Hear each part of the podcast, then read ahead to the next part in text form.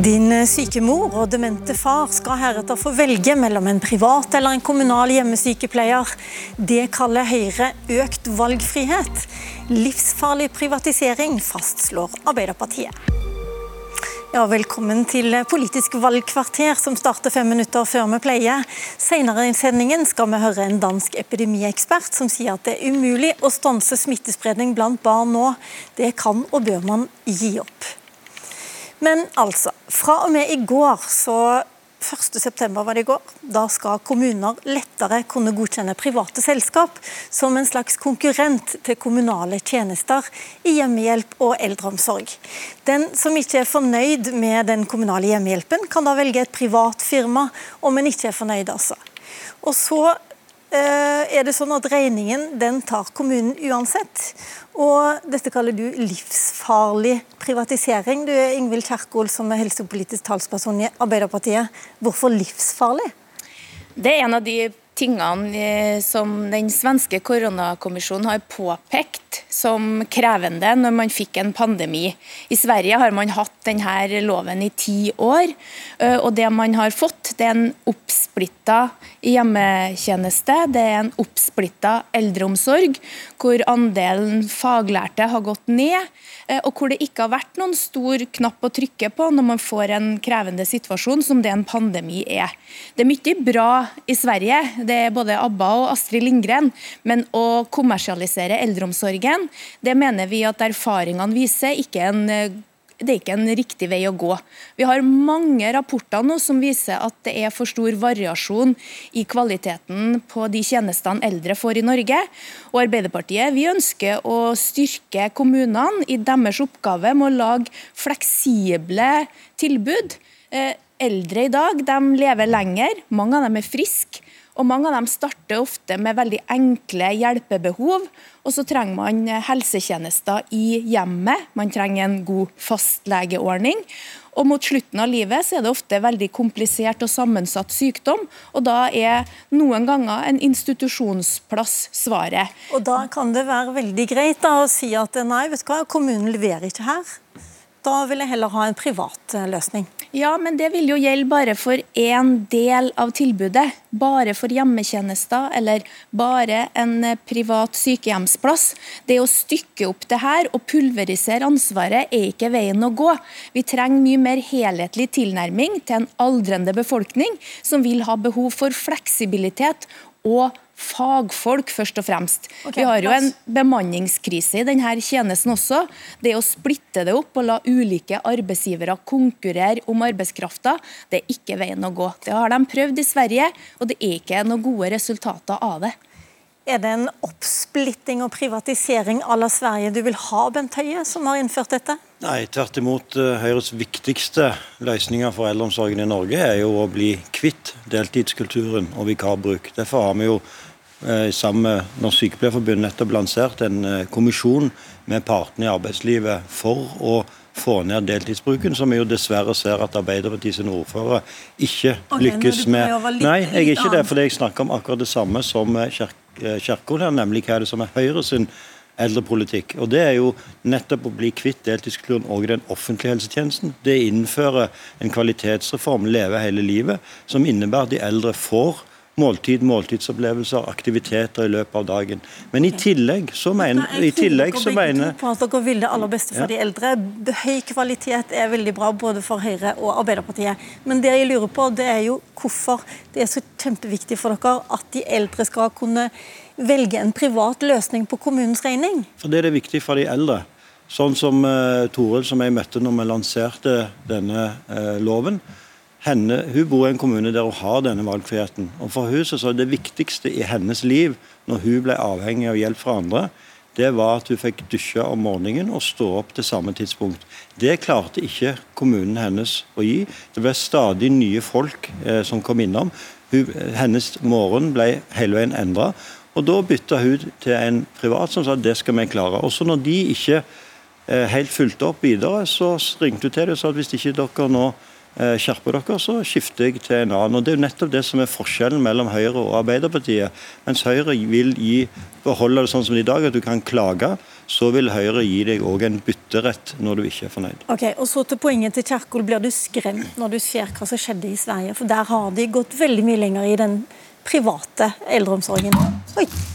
Ja, jeg, jeg, er skremt når jeg ser hva som skjedde i Sverige under pandemien, og at de har en helt annen eldreomsorg i Sverige. Men det skyldes jo ikke at de har innført valgfred. Det skyldes jo at i Sverige så har de i mye, i mye mindre grad enn det vi har gjort i Norge og skal gjøre i Norge, nemlig satse på kompetanse i eldreomsorgen. I Norge har vi sykehjem der en f.eks. kan eh, tilby eh, oksygenbehandling eh, for pasienter som bor der. Har satsa tungt på høy syke sykepleierdekning, på legedekning.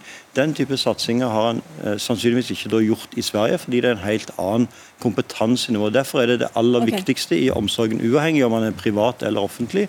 Det er kompetanse hos de ansatte, heltidsstillinger og at det har en god ledertjeneste. Ingvild Kjerkol, svar på det. Høie leser koronakommisjonen i Sverige på en annen måte enn deg? Ja, og det forstår jeg, for han ønsker jo å innføre det her i Norge. Det ønsker ikke Arbeiderpartiet. Men det han sier er jo for så vidt at det, det var helt andre grunner til at svenskenes eldreomsorg virkelig svikta under korona. Når du skal dele oppdraget på veldig mange flere, så blir det også økte Eh, administrative kostnader. Eh, det blir mindre igjen av kaka. og Det som har skjedd i Sverige, er jo at eh, leveransen av de her tjenestene er konsentrert til en sju-åtte store kommersielle kjeder, som også tar ut veldig mye profitt av de her tjenestene. Andelen ufaglærte har gått opp. Andelen deltid har jo også gått opp. Og Når jeg hører helseministeren si at heltid er den viktigste saken, ja, bør, da bør han i hvert fall ikke se til Sverige og innføre det her. Og så syns jeg eksempelet som helseministeren viser er veldig godt. For her har du ei dame som opplever at hun ikke fikk valgfrihet i tjenesten.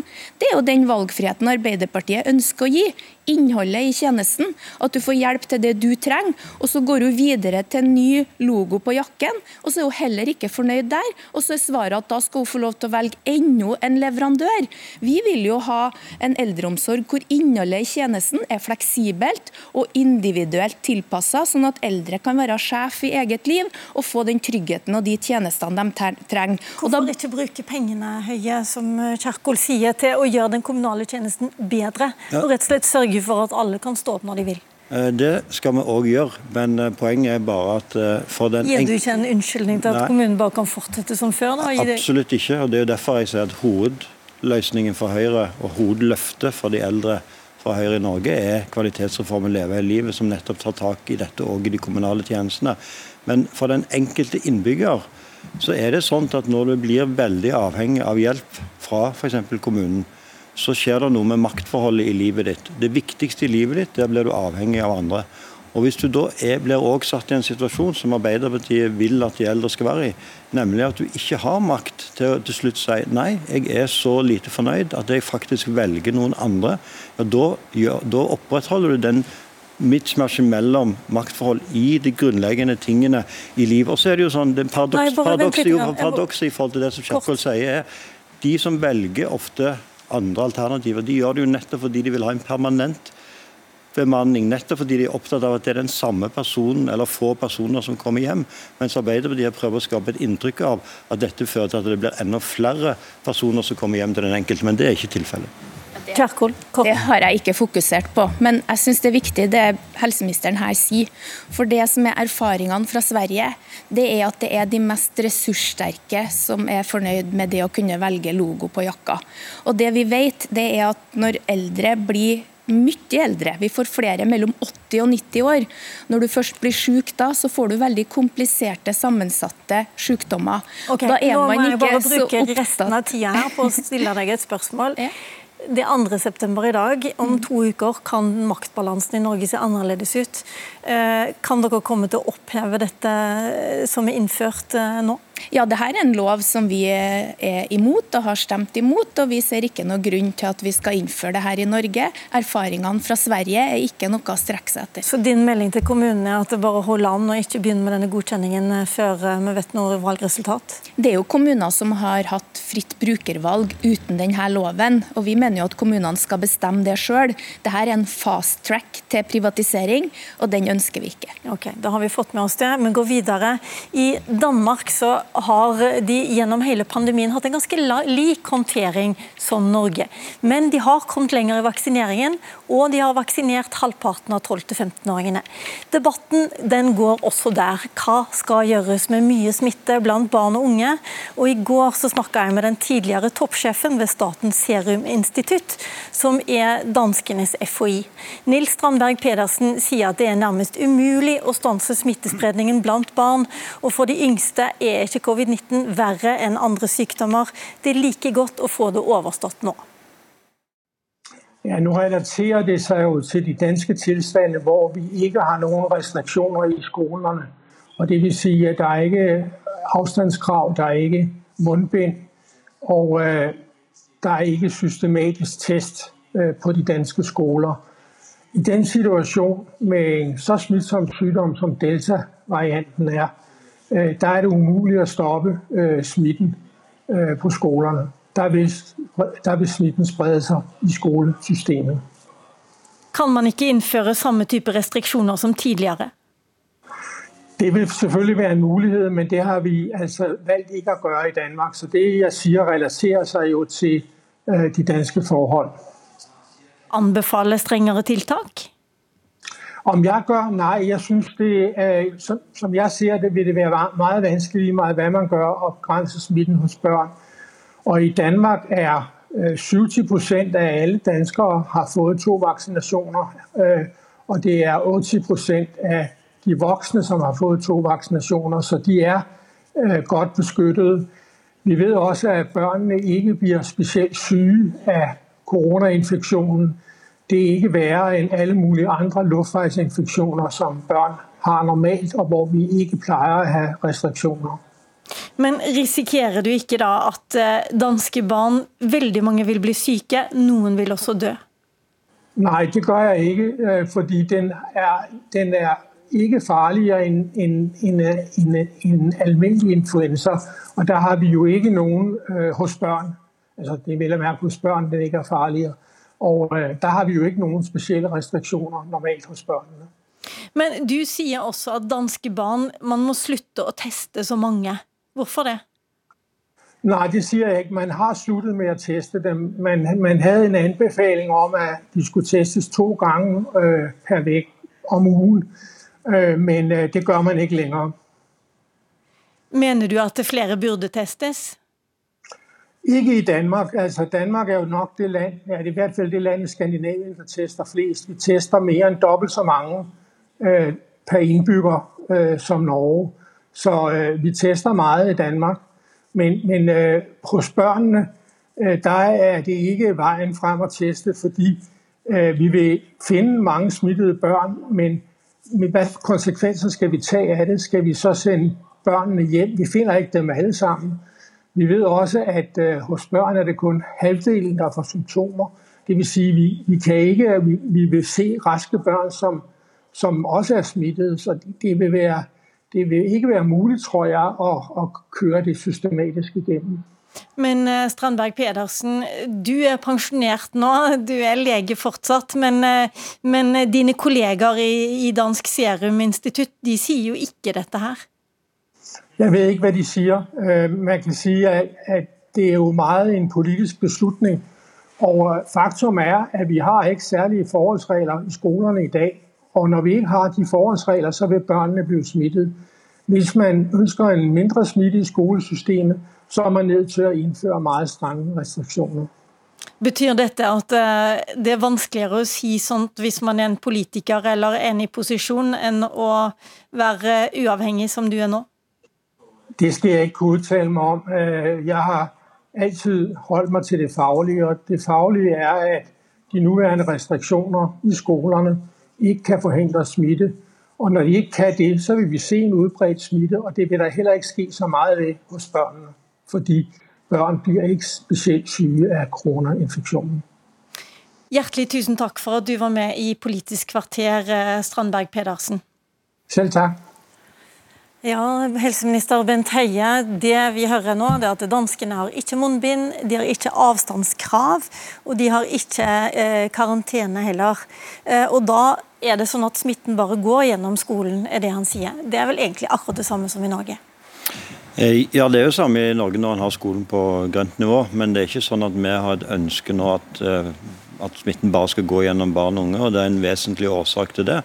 Eh, for det første så er det sånn at vi ønsker fortsatt å ha kontroll på smitten. og Det andre er jo også at Norge er i en situasjon der man fortsatt har ganske mange som ikke er vaksinert. Sånn at vi er også bekymra for at den økte smitten blant barn og unge nå skal også øke risikoen for at uvaksinerte voksne blir smitta. Dessuten så har vi jo et håp om at når mange nok av den voksne befolkningen er vaksinert, så skal det òg bidra til å redusere risikoen for at barn og unge blir smittet. Men da du var bekymra for smitte i skolen i vår, så var, det, var, svaret enten hjemmeskole eller rødt nivå. Nå er svaret at ja, noen kommuner kan innføre gult nivå, som betyr litt mer, eh, litt mer, avstand som en anbefaling, og at man skal ha to ulike kohorter, ikke blande klassene.